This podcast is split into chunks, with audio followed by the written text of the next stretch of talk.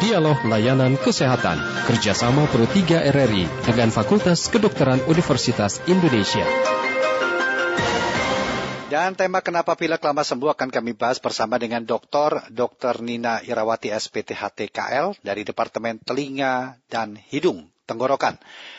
Dan kami akan segera mulai dialog layanan kesehatan pada pagi hari ini. Dokter Nina, selamat pagi dok. Apa kabar? Baik, selamat pagi Mas Rudi. Iya, ternyata ada juga yang perlu diperhatikan kenapa pilek lama ya. sembuh. Mungkin tidak banyak yang tahu, pilek ya pilek aja mungkin kan. Mungkin karena ada ya. apa selalu diobati dengan obat-obat biasa. Sebenarnya apa yang menjadi fokus dari hal-hal apa sih yang perlu kita perhatikan jika kita terkena pilek ini, Dok? Baik, uh, terima kasih Mas Rudi. Jadi pilek itu salah satu gejala yang diakibatkan adanya peradangan dari hidung uh, yang bisa disebabkan oleh infeksi, alergi atau iritasi ya atau uh, iritasi.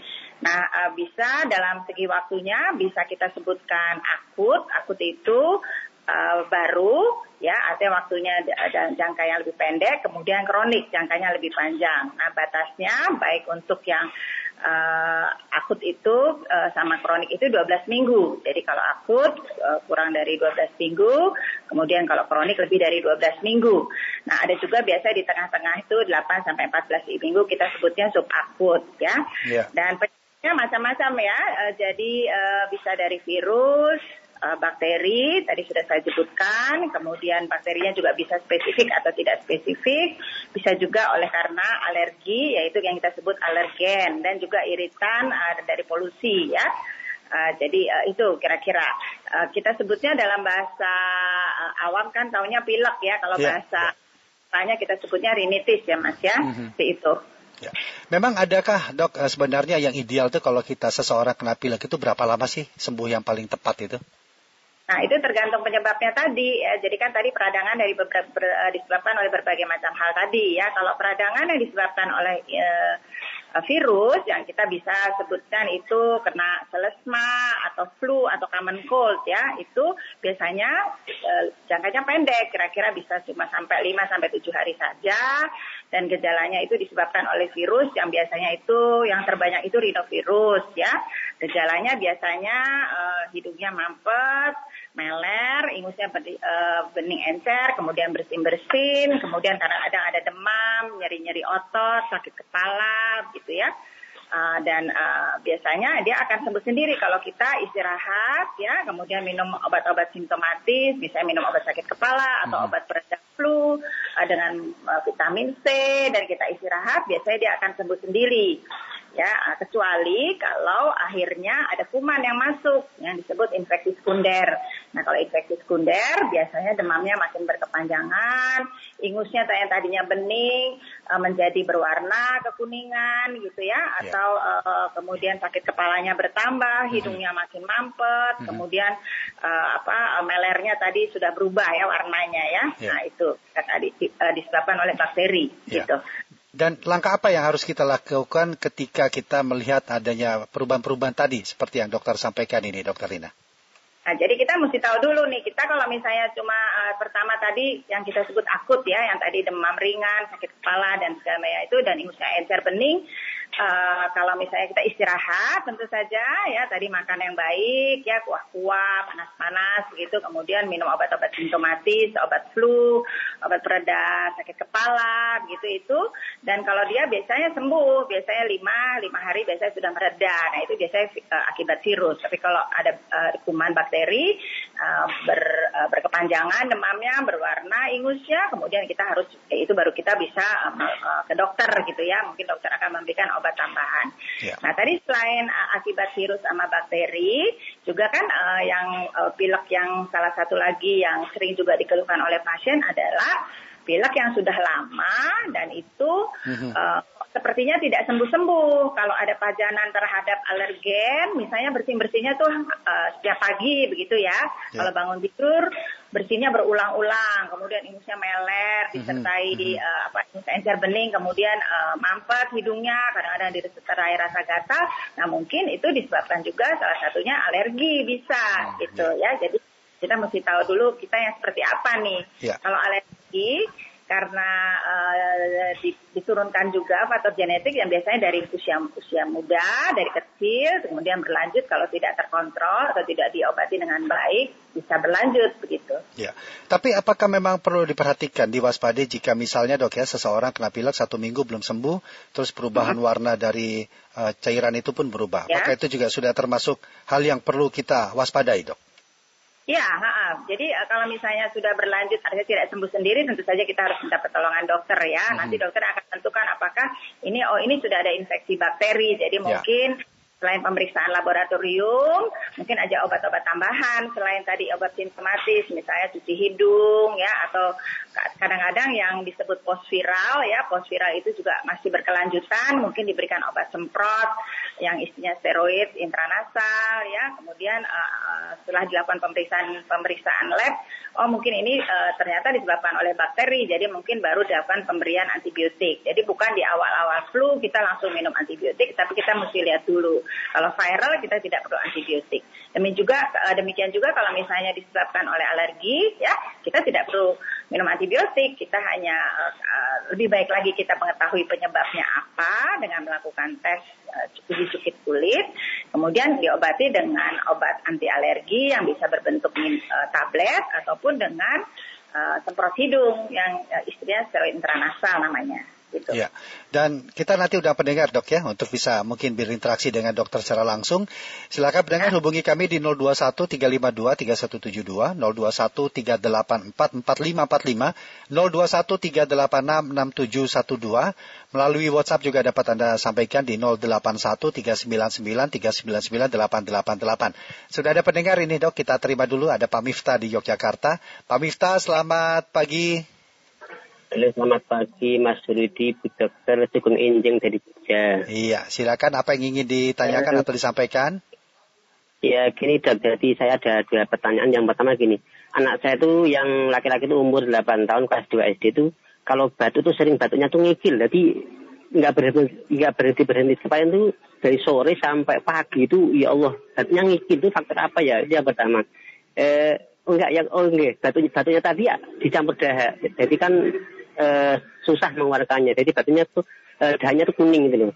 Yang kedua gini, anak saya yang yang kedua tuh cewek uh, kelas 6 SD itu kok telinganya itu kalau sering dapat uh, ada kotoran tuh kadang-kadang susah dikeluarkan. Kemarin tuh udah kayak sosis panjang tuh loh, itu ke tuh sampai tiga kali. Itu itu gimana perawatannya ya kok bisa sama kayak gitu itu. Ya. Tidak aja dok, terima kasih mohon penjelasannya. Baik, terima kasih Pak Miftah ya. Kita tabung dulu, kita berlanjut ke pendengar berikutnya ada Pak Rusman di Lampung. Selamat pagi Pak Rusman. Dengar ke radio yang ngomong, dia kan pakai radio itu. Halo Pak Rusman. Bertanya kau, ya. udah bertanya. Pak Rusman, selamat pagi. Ya, Halo Pak Rusman. Ya tampaknya uh, tidak bisa mendengar apa yang kami sampaikan tadi. Mungkin Pak Rusman bisa kembali dicoba ya di dan juga pendengar lainnya di 0213523172, 0213844545, 0213866712. Silakan Dokter Nina mungkin bisa menanggapi apa yang ditanyakan oleh Pak Miftah tadi. Ya, terima kasih Pak Dista dari uh, Jogja ya. Ya. Ya, keluhan pada anak 8 tahun itu tadi batuk-batuk ngikil ya Pak, kadang-kadang juga berdahak. Tapi uh, berdahak, uh, berdahaknya warnanya sudah kekuningan. Mungkin ini juga sudah lama, tapi waktu batuknya itu sore sampai pagi hari. Nah, kita mesti tanya lagi, apakah memang ini sudah berapa lama keluhannya? Kalau memang sudah lama, Artinya eh, kemungkinan ada faktor alergi di sini. Alerginya kebetulan juga di saluran napas bawah, mungkin karena uh, gejala dominannya adalah batuk ya. Biasanya kalau batuk uh, yang kita sebut belum sampai ke asma, tapi ada yang kita sebut uh, hipersensitivitas dari uh, saluran napas bawah, namanya bronchial hyperreactivity. Itu juga tanda-tanda uh, alergi pada saluran napas bawah yang bisa didahului juga alergi di saluran napas atas yang disebut pilek alergi tadi. Nah, kalau misalnya uh, keluhannya ini lebih ke arah batuknya yang ngicil tadi dari sore sampai malam hari, biasanya memang seperti itu gejalanya. Kalau pada anak batuk alergi bisa e, waktunya itu malam menjelang tidur, kemudian dia bisa tidur misalnya, kemudian pagi-pagi bangun pagi itu juga batuk-batuk lagi. Nah biasa ada waktu-waktu tertentu. Nah ini biasanya e, pencetusnya mungkin karena ada udara lebih dingin ya, atau juga ada pencetus di dalam kamar tidurnya yang misalnya alergen tadi yang biasanya tersering adalah uh, tungau debu rumah ya. Jadi ini mesti dipastikan dulu. Nah kalau misalnya batuknya sudah berdahak mungkin ada e, berwarna kekuningan ya artinya mungkin ada bukan saja karena batuk alergi mungkin ada e, infeksi sekunder nah infeksi sekunder e, yang disebabkan oleh alergi pilek alergi itu biasanya e, rhinosinusitis ya terjadi sinusitis karena pada sinusitis hmm. pada anak itu ada lendir yang turun ke tenggorok itu memicu batuk jadi mereka lebih dominannya itu bukan cuma hanya pileknya aja di ke depan tetapi lendir yang turun ke belakang itu yang memicu batuk-batuk. Hmm, nah, itu yeah. juga harus dipastikan karena sudah dikatakan lendirnya sudah berwarna kekuningan. Yeah. Kalau menurut saya uh, anak bapak ini yang dua tahun harus uh, 8 tahun ini ya uh, harus dibawa ke dokter untuk dipastikan apakah memang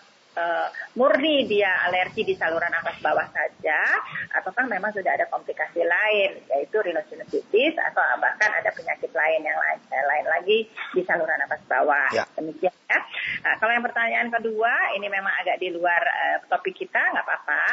Uh, itu kotoran telinga ya, kotoran telinga kalau memang tidak pernah dibersihkan itu ini individual banget. Jadi ada orang yang produksi dari kelenjar. Jadi itu kotoran bukan dari luar ya. Jadi produksi dari kelenjar di dalam telinga masing-masing orang itu yang memproduksinya ada yang berlebihan, ada yang normal.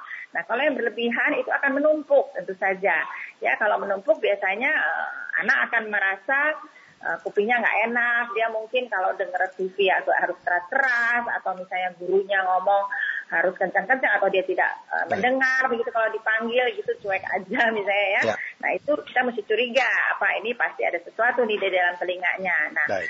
kalau misalnya menumpuk memang tidak bisa dibersihkan sendiri karena kalau hmm. kita bersihkan sendiri dengan cotton bud hmm. ada kotoran di dalam telinga itu makin kedorong ke dalam ya itu hmm. makanya yang kita bilang Nah, itu kalau memang sudah ada gangguan pendengaran akibat tertutup telinganya lebih baik ke dokter untuk dipastikan kotorannya itu sudah menutup atau tidak ya. Jadi itu kalau sudah membatu ya harus uh, diberikan pelunak kemudian uh, baru dikeluarkan oleh dokter ya. Jadi jangan bersihkan sendiri kalau memang terlihat kotoran yang sudah hitam dan apalagi sudah mengeras ya jangan dipaksa dikeluarkan dengan cotton bud harus dibawa ya. ke dokter. Baik. Kita terima kembali ya. terima telepon berikutnya. Ada Pak Rusman yang tadi sempat terputus. Pak Rusman. Iya. Selamat pagi Pak, Pak Rusman. Pak Pak Bu Dokter. Ya, silakan Pak Rusman. Oh, ini mau nanyakan ini Bu Dokter.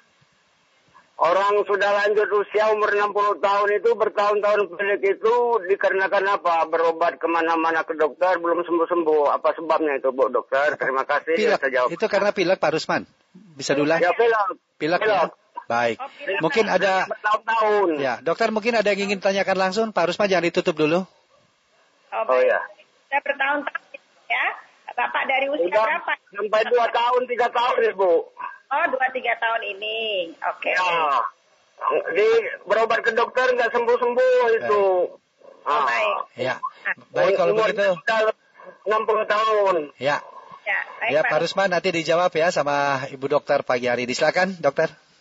Ya, jadi uh, ya memang uh, 60 tahun ke atas itu mau disebut pregeriatri atau uh, belum disebut geriatria murni ya geriatria murni itu biasanya 65-70 tahun. Ya. Uh, kalau misalnya tadi Pak Rusman bilang baru 2-3 tahun ini merasa baru baru usia sekian, baru usia 57 tahun mulai pilek ya, itu ada yang kita sebut namanya rinitis pada usia lanjut ya. Nah, itu kecuali kalau misalnya Pak Rusman ada riwayat sebelumnya. Misalnya Pak Rusman waktu saat muda dia sudah ada riwayat bersin-bersin, meler, ya. saat hidung, seperti hidung sering mampet itu dari muda. Kemudian nanti hilang, bisa juga hilang mereda, mungkin karena ada pengobatan atau pajanan alergennya tidak terlalu berat, uh, besar. Dia mereda, tapi pada usia di atas 55 tahun muncul lagi gejala. Nah, mungkin itu kalau ada riwayat sebelumnya itu mungkin Pak Usman menderita alergi juga. Tetapi kalau baru usia eh, 2-3 tahun belakangan ini Pak Usman baru merasa ada gejala yang meler hidungnya tersumbat atau tersumbat itu bisa kita sebutnya rinitis pada usia lanjut. Nah, penyebabnya apa? Nah, itu karena kan kita dengan bertambahnya usia itu struktur hidung juga berubah ya.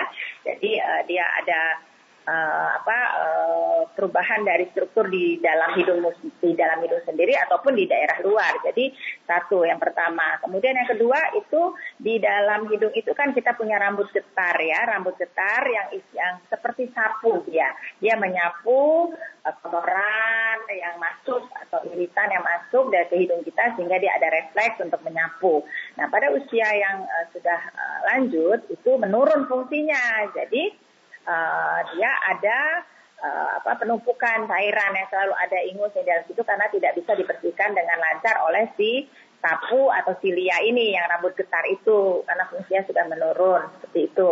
Dan juga mekanis, uh, mekanisme imun pada usia lanjut itu juga menurun ya. Uh, tidak seperti pada usia yang lebih muda yang lebih uh, kebal seperti itu. Jadi itu ada faktor tiga faktor itu. Nah uh, memang kalau uh, tidak sembuh-sembuh ya memang kita pertama kalau misalnya kita tadi menyebabkan alergi alergen ya kita harus tahu alerginya apa sehingga kita bisa menghindarkan alergen. Yang kedua kita bisa melakukan uh, cuci hidung dengan rutin supaya membantu uh, fungsi dari rambut getar tadi yang seperti uh, sapu itu ya sapu di dalam rongga hidung yang me, me, me, membersihkan kotoran-kotoran atau bahan-bahan yang masuk ke hidung itu dengan cuci hidung nampak kita memakai uh, larutan garam fisiologis atau hmm. cairan infus yang NaCl yang 0,9 ya. persen itu ya. dicuci hidungnya. Nah Pak Usman bisa lihat di di YouTube atau di Instagram itu ya? Hmm. hidung yang benar ya dengan cairan infus NaCl 0,9 persen itu tidak ya. mahal. Ya. Kita memakai itu ya. gitu. Jadi tergantung ininya ya. Itu Baik. kerap dipakai waktu uh, COVID kemarin itu dok ya. Oh, ya. Ah, ya. Jadi itu sangat berfungsi sekali dok ya. Tetapi dok, uh, apa yang harus, apakah memang perlukah kita memeriksakan secara rutin mengenai THT kita dok? Bagaimana? Ya, uh, sebetulnya untuk kotoran telinga itu tadi ya, biasanya kalau ada kita mempunyai kecenderungan bahwa kotoran telinga kita itu menumpuk sampai mengeras ya biasanya itu kita uh, anjurkan untuk pasien kontrol enam bulan sekali untuk telinganya untuk dilakukan pembersihan rutin oleh dokter ya kalau yang lain sih uh, yang rutin ya tidak ya. Artinya kalau alergi ya memang kita sebaiknya uh, apa sampai mengetahui kita tuh alergi terhadap bahan apa sih itu bisa dilakukan tes ya. Tesnya salah satunya dengan uji cukit itu yang paling baik yang paling standar ya standar emasnya itu pemeriksaan uji cukit kulit. Sehingga kita tahu penyebab penyebabnya apa dan kita bisa menghindari dan tentu saja itu harus terkontrol kalau kita uh, menderita rinitis alergi ya jadi kita bisa dengan uh, menggabungkan dari keluhan uh, meler, mampet, ya, uh, kemudian uh, bersin-bersin dan gatal itu skornya berapa? Kita bisa skor sendiri tuh. Skornya 0 sampai 10. Kita me, skor sendiri. Nah, kalau biasanya dari empat gejala itu uh, skornya lebih dari lima, berarti kita tidak terkontrol. Nah, itu kita harus butuh uh, apa uh, ke dokter untuk mendapatkan edukasi dan juga pengobatan yang baik. Karena itu akan mengganggu kualitas hidup tentu saja ya. Kalau makin skornya tinggi kita terjadi gangguan tidur ya. Kita kan mampet, nggak bisa tidur nyenyak ya. Kemudian masuk di siang hari. Kemudian bisa terjadi uh, penyakit penyerta yang lain akibat ya. alergi ya. Nah, jadi bisa sinusitis, bisa ke arah telinga, eh, ke daerah tenggorok, ke hmm. pita suara. Jadi dia ke mana-mana begitu. Jadi Baik baiknya diatasi dengan uh, lebih awal begitu lebih baik ya. Dokter Nina Irawati terima kasih banyak sudah meluangkan waktu berbincang dalam dialog layanan kesehatan COVID-19. Semoga apa yang disampaikan bermanfaat buat kita semua. Terima kasih sekali lagi Dokter Nina. atas kesempatannya mudah-mudahan iya. bermanfaat. Amin, amin. Terima kasih. Ya. Selamat kembali beraktivitas, Dok. Salam sehat, selamat pagi. Pagi. Demikian tadi kami telah berbincang dalam dialog layanan kesehatan bersama dengan Dr. Dr. Nina Irawati SPTHT KLK dari Departemen Telinga dan Hidung dan Tenggorokan. Terima kasih untuk Anda yang sudah berpartisipasi juga dalam dialog layanan kesehatan pada pagi hari ini. Demikian dialog layanan kesehatan kerjasama Pro 3 RRI dengan Fakultas Kedokteran Universitas Indonesia. Acara ini bisa Anda dengarkan setiap Senin sampai dengan Jumat pukul 9.30 waktu Indonesia Barat.